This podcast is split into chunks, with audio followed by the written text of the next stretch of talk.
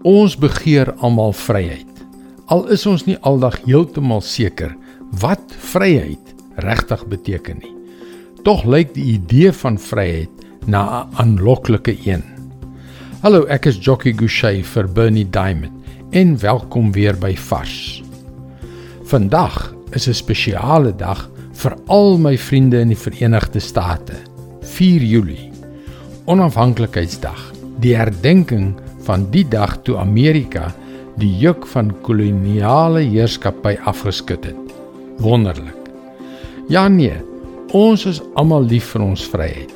Maar ek wonder of ons nie deesdae die betekenis van vryheid verdraai het om dit in iets te verander wat dit nooit veronderstel was om te wees nie.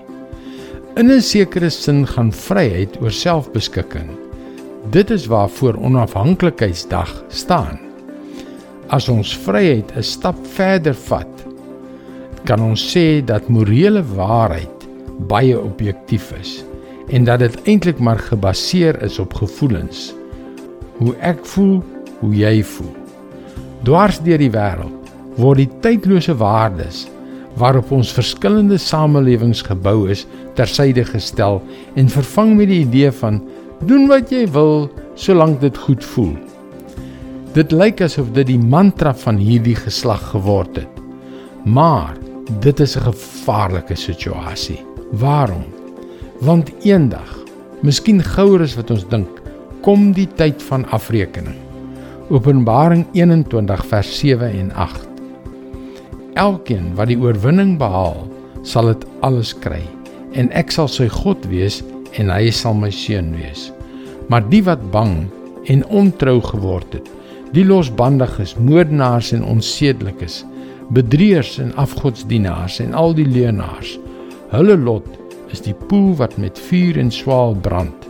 Dit is die tweede dood.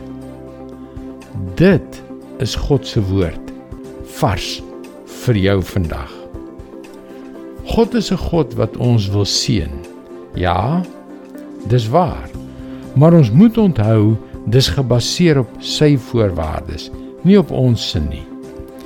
Jy kan gerus na ons webwerf varsvandag.co.za gaan om in te skryf om daagliks 'n vars boodskap in jou e-posbus te ontvang. Wanneer jy inskryf, kan jy ook die gratis e-boek Standvastig in onseker tye ontvang. Onthou, dit is by varsvandag.co.za. Luister weer môre na jou gunstelingstasie vir nog 'n boodskap van Bernie Diamond. Seënwense en mooi loop.